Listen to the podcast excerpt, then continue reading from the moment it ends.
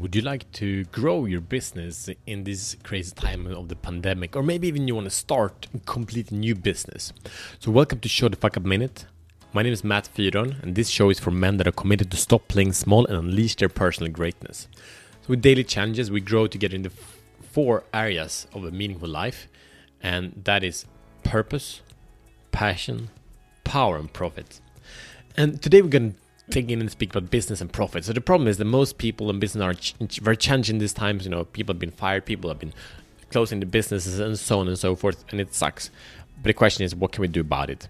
So you know, many people go into the fight or flight response, and it's triggering kind of the the reactive mind, meaning the creative mind, kind of the entrepreneur brain that Daniel Priestley speak about is dead. Doesn't exist. One can actually not be creative in this space. So it means that we a lot of people hold like kind of tighter to the cash and the consumption pattern has changed a lot. And and some has gained like amazon is probably up a lot but uh, many other companies are really really struggling. So we don't need to be a victim of this. So how, how do you make sure to not be that? So th- let's let's let's figure this out okay?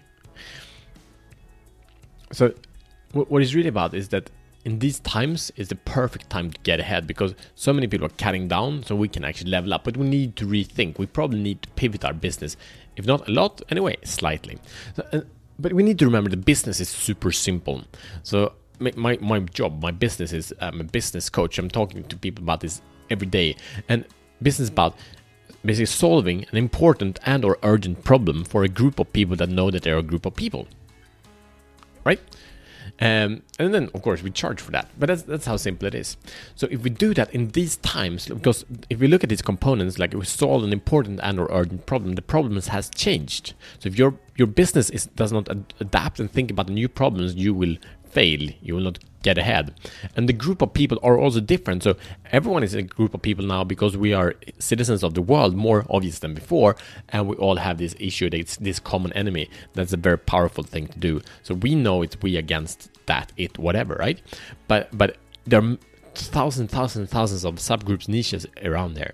So you find these two, and and no matter what what what business you're in, the problem and the identities has shifted and so you need to do as well.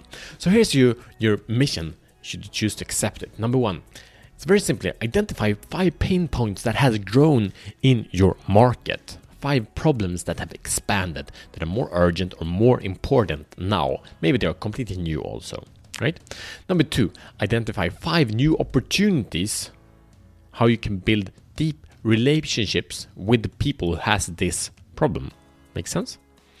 Number 3, create a solution for these people. Number four, present it to them. Haha, this is the simplest business plan I'm sure you ever heard, and it's therefore it's the best one ever. If you do this, this can totally revolutionize your business right now, right today. It doesn't need to take more time than one day.